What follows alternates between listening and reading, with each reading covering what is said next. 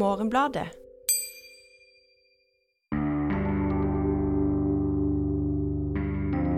Jeg, jeg ble overraska over hvor godt filmen var laga, vil jeg si. Altså sånn hvor uh, Det jeg kanskje er mer skeptisk til, er hva poenget er.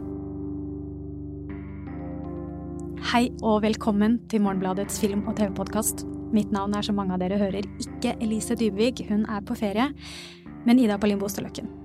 Og med meg har jeg heldigvis det faste panelet Ulrik Eriksen og Aksel Kielland. Hei. Hei. Hei.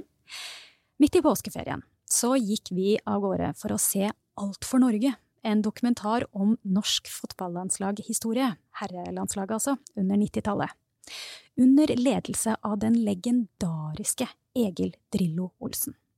Og regien er det Vemund Svendsen og Daniel Høglund som har hatt. Og Svendsen har vel tidligere laga en annen dokumentar om et sånt maskulint fellesskap, et kor, et mannskor, med tittelen For vi er gutta.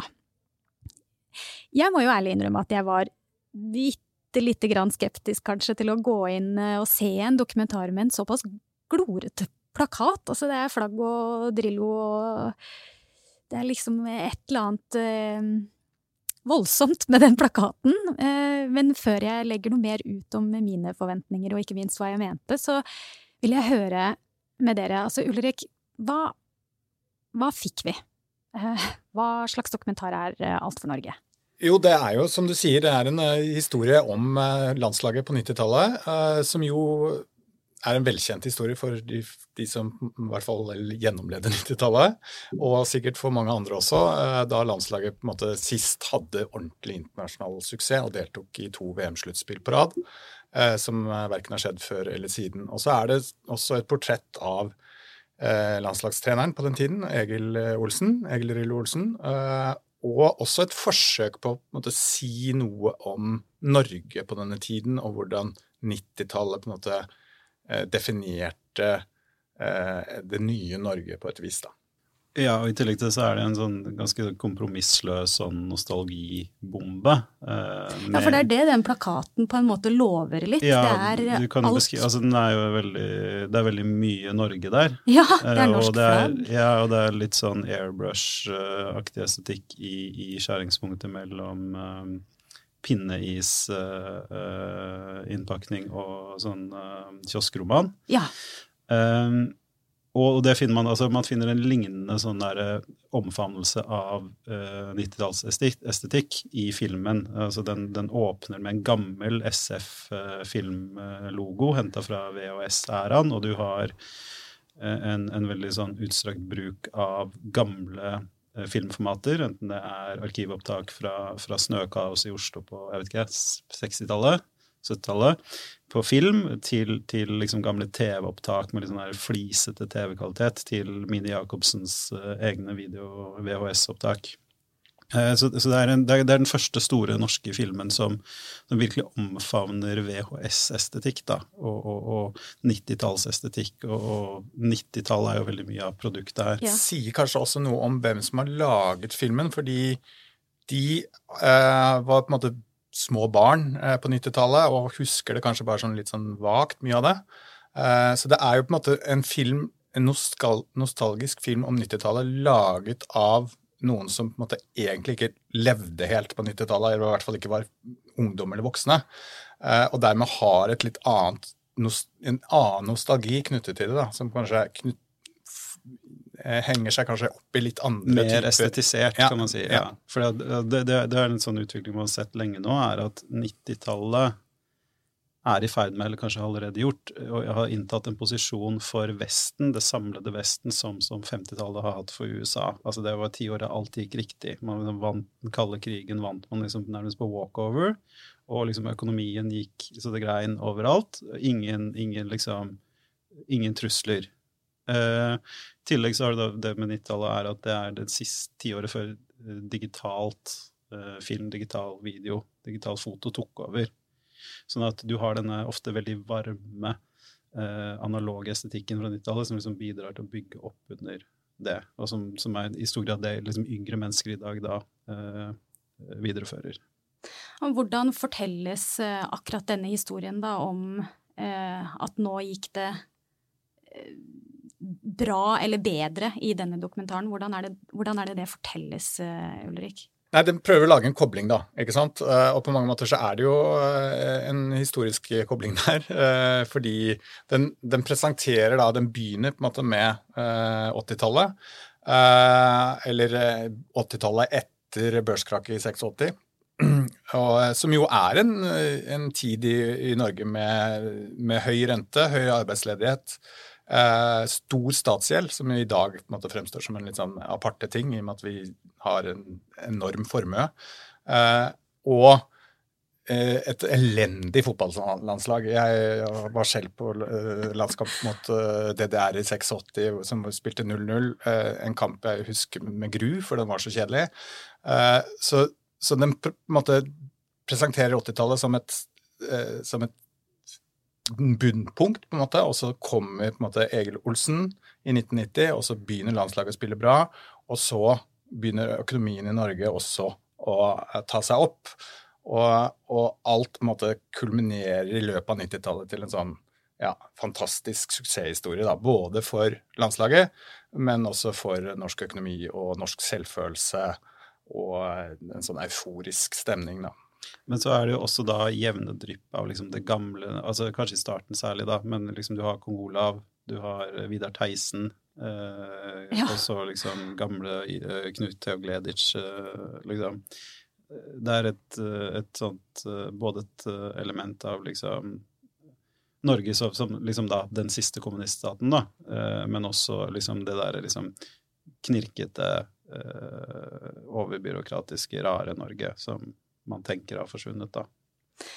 Og så kommer da Drillo. Eh, det kallenavnet, er det, er det en kort forklaring på hvorfor han egentlig kalles Drillo? Ulrik, han var god til å drible.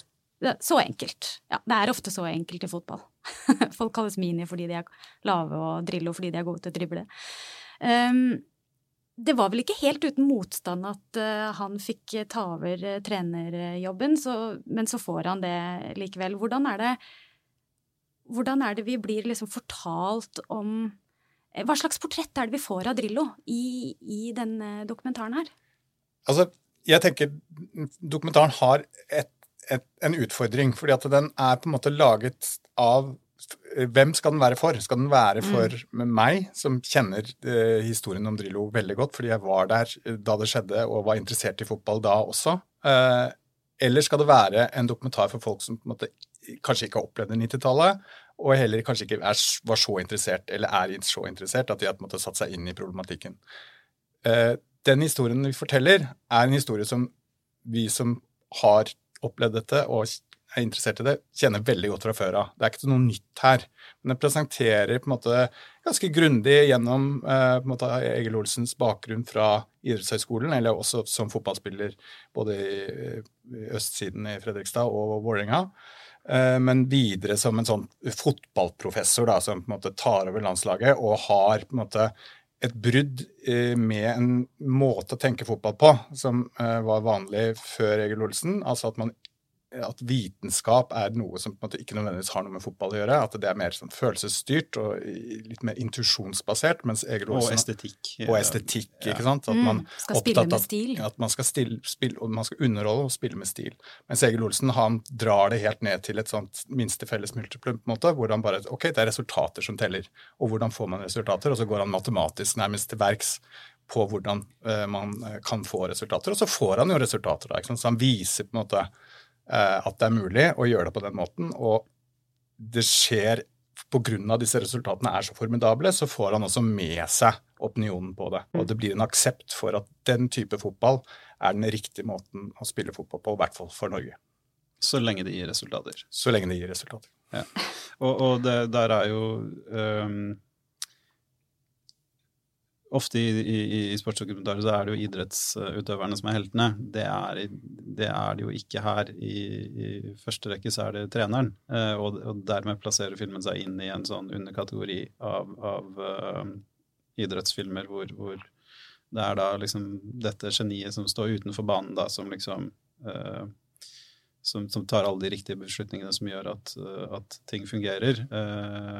så det, jeg, jeg, blir sittende og tenke på den, den spillefilmen Moneyball, uh, som handler om, om uh, det er jo det samme, da. Altså, via statistikk så ser de at de kan få liksom nok poeng med billige spillere til at det er bedre å liksom fylle baseballbanen med det, istedenfor å kjøpe de store stjernene. Og det er jo litt det samme Drillo. Han er jo sånn enmanns analyseteam hvor han sitter med videospilleren sin og datamaskinene sine og liksom ser hvilke uh, pasninger, hvilke, hvilke lagoppsetninger gir mål, og så bare følger han det. Han lager noe sånn dumpskjema, eller hva det, hva det heter? Ja.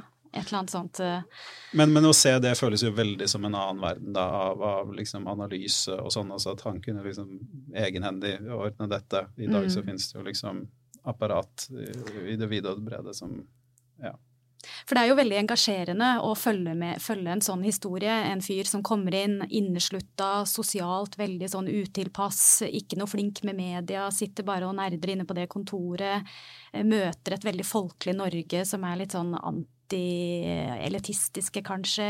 Sånn skeptiske til den måten å tenke fotball på. Og så går det likevel da så bra. Er det noe trøblete med denne fremstillinga? Altså mangler det noe her? For det var liksom litt for lett å heie på Drillo der jeg satt. Jeg var veldig sånn revet med i denne historien, Ulrik. Ja, den, Som jeg var inne på i sted, så, så, ligner jo denne historien på den offisielle historien. på en måte. Og Det tenker jeg er et problem med en sånn film. At når den ligger så tett opp til det som er den gjengse oppfatningen av hva som skjedde, så får dokumentaren et litt problem i mine øyne. For da kommer den faktisk ikke med noe nytt. Den har ikke noen perspektiver som får meg til å bli litt sånn Jøss, ja, det har jeg ikke tenkt på. Eller ja, der satte dere liksom fokus på noe som jeg har kanskje hatt en anelse om, men ikke helt klart at det og, måte, Kan du tenke deg hva det kunne vært? Nei, ja. Det er, det er et par sånne paradokser med Drillo. Og Det ene er jo at han på den ene siden er han jo veldig privat. ikke sant? At han, han ønsker på en måte å holde Han, har en veldig, han kan være ganske sånn eh, hard ikke sant? Og, og, og kategorisk og, og vei, hegner om sitt eget privatliv. Samtidig som han er på en måte front, vært frontfigur for Diplomis på forsiden av Se og Hør, på reportasje med det ene og det andre. Mm. alt mulig. Så han har en sånn dobbeltsidighet der som jeg tenker at en sånn film kunne kanskje ha gått litt eh, inn i og på en måte problematisert. Hva er dette for noe? Eh, og så er det også noe med hvordan Drillo har endret synet på fotball i Norge, eh, som den kommer litt inn på.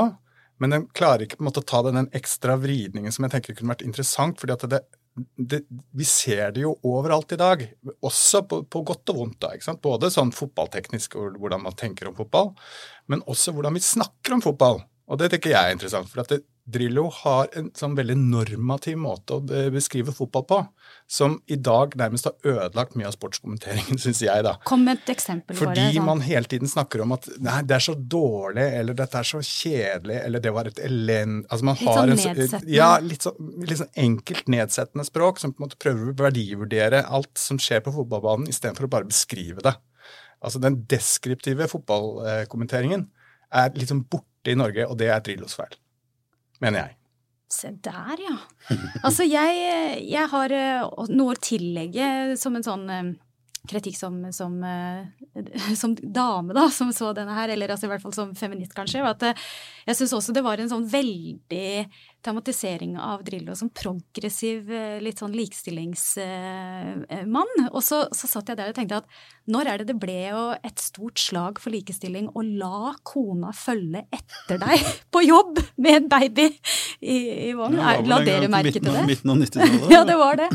Tenkte du noe over det? Nei, altså, jeg eh, er jo ikke så opptatt av fotball. Eh, og jeg husker ikke hvor jeg var da denne kampen ble spilt. Til gjengjeld så er Norge, jeg Brasil, altså? Ja, Norge, så er jeg fra Fredrikstad. Eh, ja.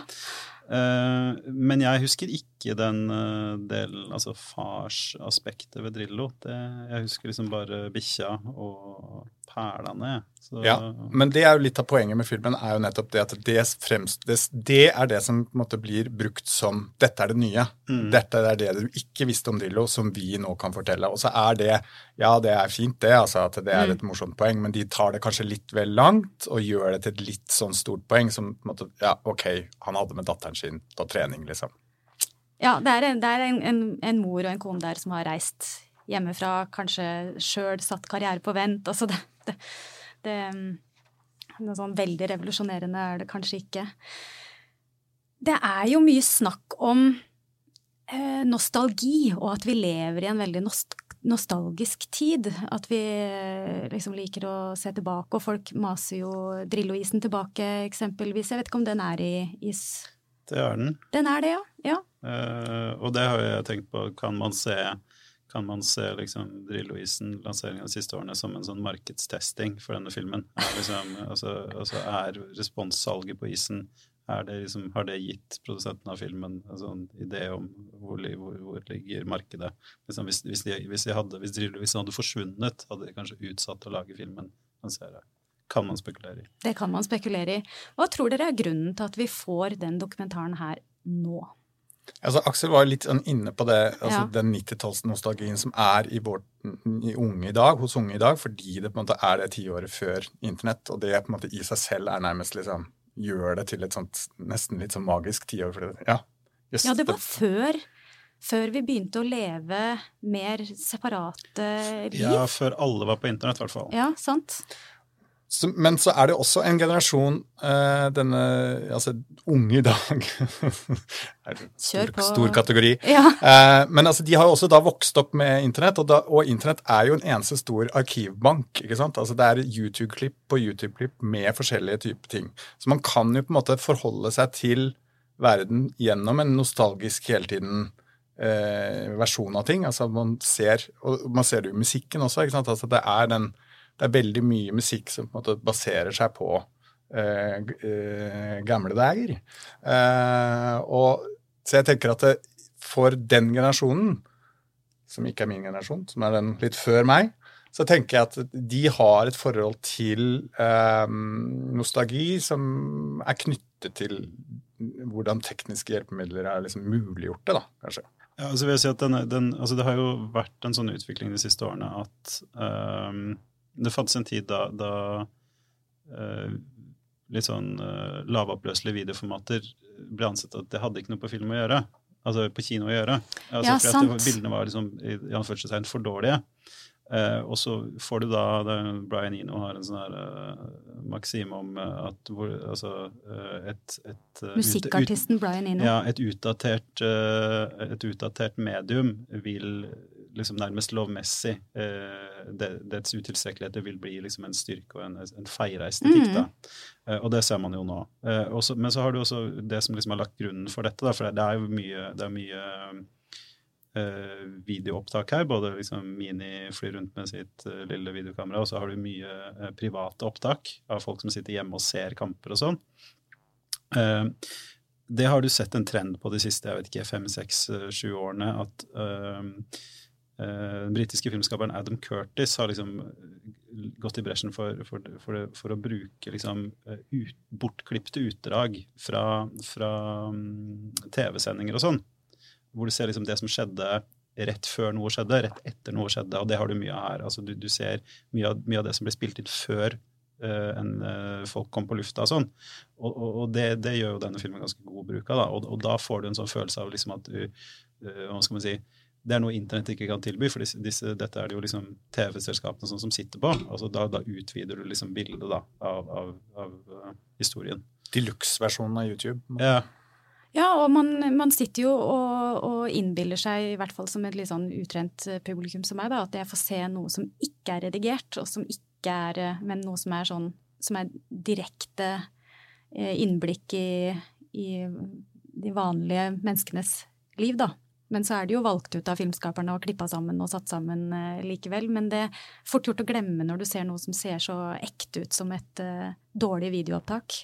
Ja, mm. og, og, og det, det, vil jo fortsette å se ekte ut til liksom, bevissthet blir stor nok til vi liksom går til å assosiere dette med liksom et grep eller et triks. Da. Sant. Men jeg syns det fungerer. Jeg, det en, jeg, jeg blir overraska over hvor godt filmen var laga, uh, eh, vil jeg si. Altså sånn hvor Det jeg kanskje er mer skeptisk til, er hva poenget er. Uh, og uh, ja. jeg får jo Det er det jeg blir sittende igjen med ettertid. da, liksom, hva, hva, er poenget? Og jeg får veldig følelsen av at dette er, sånn som vi har vært inne på før da vi snakka om krigsfilm, dette er en sånn dette er forvaltning av patriotisk materiale. Forvandling av patriotisk historie, forvandling av liksom gåsehudfremkallende øyeblikk. Eh, som du kan liksom trekke ganske sånn direkte paralleller til norsk andre verdenskrig-film. da, altså at liksom hva skal man si, Den største heltedåden begått norsk, under det norske flagget siden andre verdenskrig. er liksom ja, og det er jo litt sånn hvordan vi bruker sport i Norge, som, og krigen også. ikke sant? Det er en nasjonsbygging som vi foregår. Altså det er et, en måte å på en måte eh, gjøre eh, lille Norge til noe stort. Eh, gjøre nasjonen Norge til et samlende fellesskap. Uh, og, og, lage en, en David mot Goliat-historie som mm. på en måte ender godt. Uh, det er jo uh, appellerende. Ja, den, denne historien her fortelles jo veldig sånn at her er det en gjeng med veldig jordnære gutter som møter en stor og veldig sånn voldsom verden, og de er ikke og det er veldig sympatisk, da, at fotballaget Måten de møter fans på etter en eller annen kamp, at de er så ja, det er noen fine scener fra, ja. fra liksom, fotballandslaget på byen. Med, ja, det var liksom, kjempemorsomt med, med å se. Med vanlige folk. Ja. ja. Men det, det, det, det hele, hele, historien er jo det her jordnære, nøkterne eh, Men også kan du også si, da, eh, veldig eh, etnisk homogene. Eh, Absolutt. Det er altså, bare hvite gutter. Ja, og, og, det vi snakker om, altså det er vel Kjetil Rekdal som har en replikk der på, øh, om Frode Grodås var fra Grodås, Jostein Flo var fra Flo. Og Rekdal var fra Rekdal. Ja.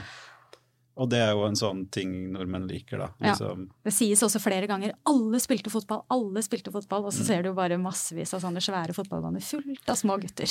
Ja. ikke også, alle, da. Og så er jo sport et område hvor det er jo lov å være nasjonalist. ikke sant? Det er, det er, det, det er og vise som, følelser. Og, ja, å være patriotisk. Og det er jo øh, Og hvor andres tap er egen seier, og ikke sant? at man kan glede seg over andres tap. Og jeg tenker at det, her og Det er også noe som jeg tenker um, filmen kunne på en måte altså Det, det er en feel good-dokumentar, men det er noe med at den, den, den når, Det er noen elementer her som er litt ekkelt. ikke sant? Altså Det er noe som er litt grumsete med denne Og vi tillater oss, uh, oss det fordi vi er så liten nasjon.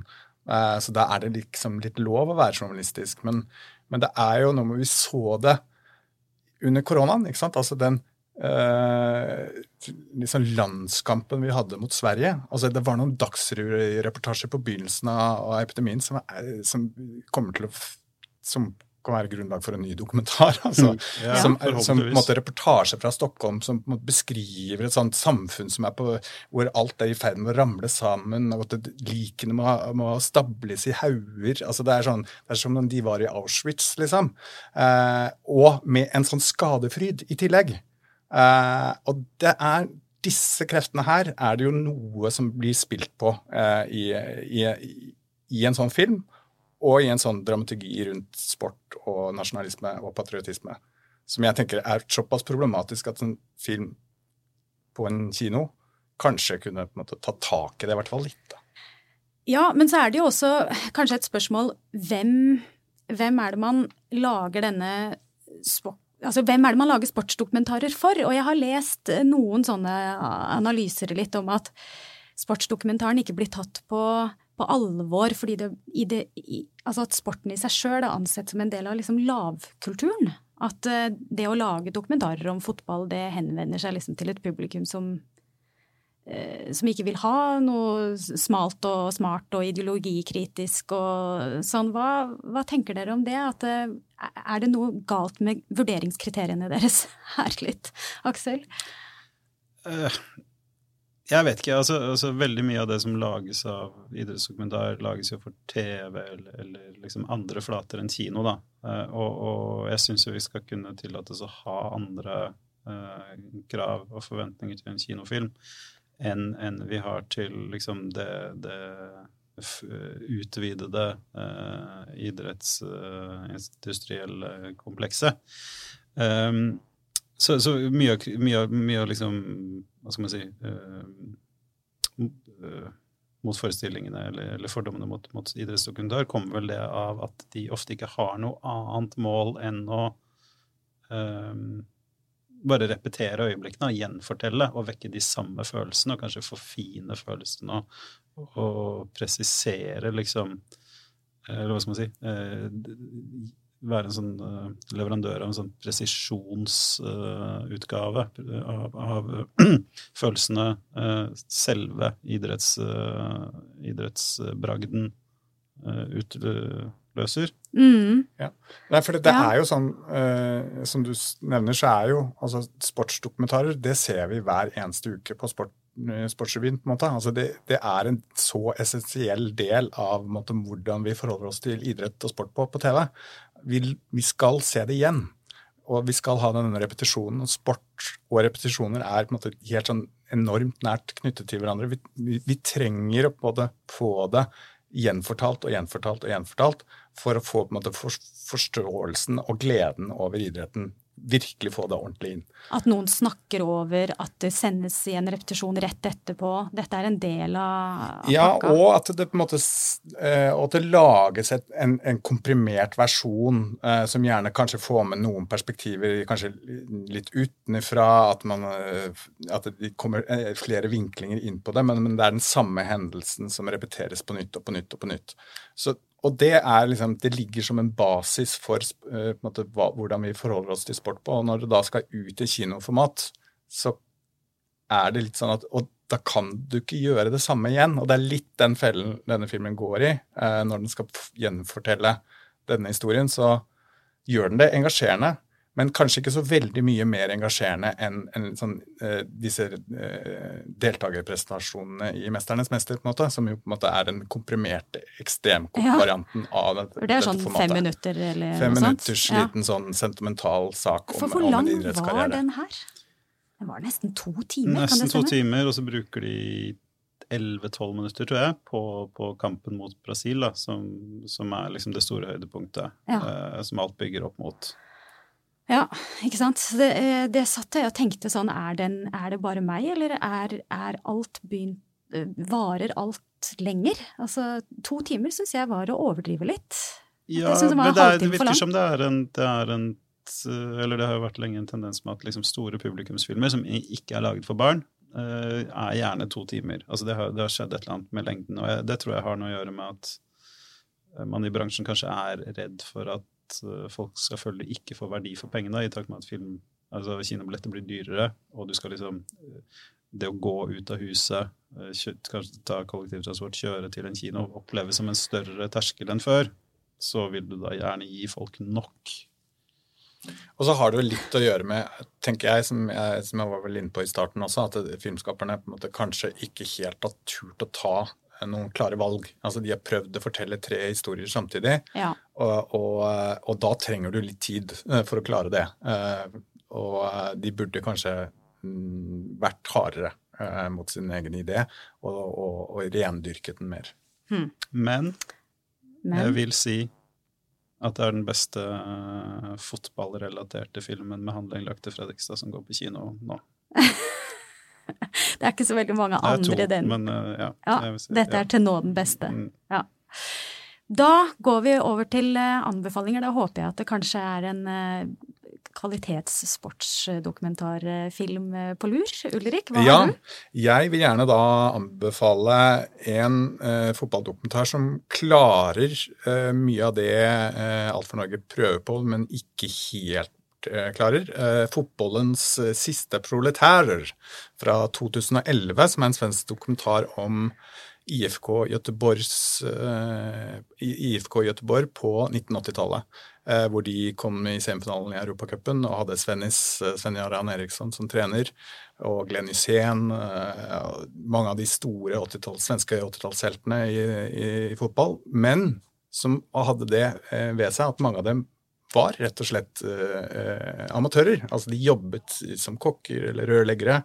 Og, og, var på en måte en del av Göteborgs liksom, arbeiderklasse i en helt annen klasse, eh, kategori enn det vi på en måte tenker på fotballspillere i dag. Den er litt romantiserende, denne filmen også, men den eh, klarer å si noe om et Sverige som på en måte eh, er forbi da, eh, en, en, måte, altså en, en måte å, å å organisere samfunnet på, eh, som på en måte er forbi. Så det er en nostalgisk, nostalgisk film, men den gjør det med en spissfindighet som, eh, som eh, holder. Aksel, hva har du? Jeg har også en svensk eh, fotballdokumentar. Eh, en, en, kort kort TV-film på 30 minutter fra 2002 som heter Konspirasjon 58. En sånn SVT-produksjon som ble sendt uten forvarsel, og som da har som utgangspunkt at vi møter mennesker som hevder at fotball-VM i 1958 i Sverige ikke fant sted. Uh, og så prøver de jo da å, å, forklare hvorfor med å vise til uh, lengden på skyggene på banen og hus du kan se i bakgrunnen på stadion og sånn. Og, og, Den kom da i, i et år etter 11.9. Og, og har blitt da et sånn veldig sånn presist bilde av um, liksom den konspirasjonstenkningen da, som vokser ut, særlig blir mainstreamet etter 11.9., og som vi liksom er overalt i dag. Eh, og viser liksom disse mønstrene i tenking som liksom presser seg frem nå. Eh, nærmest sånn Så den handler egentlig ikke om fotball, den handler om at det ikke skjedde? Det er en mockumentary, ja, da, kan ja. sies om at den ikke skjedde. Eh, den fins tilgjengelig. Hvis man søker KONSPIRATION 58, så ligger den gratis tilgjengelig på, på internett. Det var det vi rakk for denne gang i eh, Morgenbladets film- og TV-podkast. Vil du lese mer om film og TV, så kan du gå inn på morgenbladet.no. Tegn deg et abonnement. Der ligger også Ulriks anmeldelse av eh, Alt for Norge. Vi høres igjen neste uke.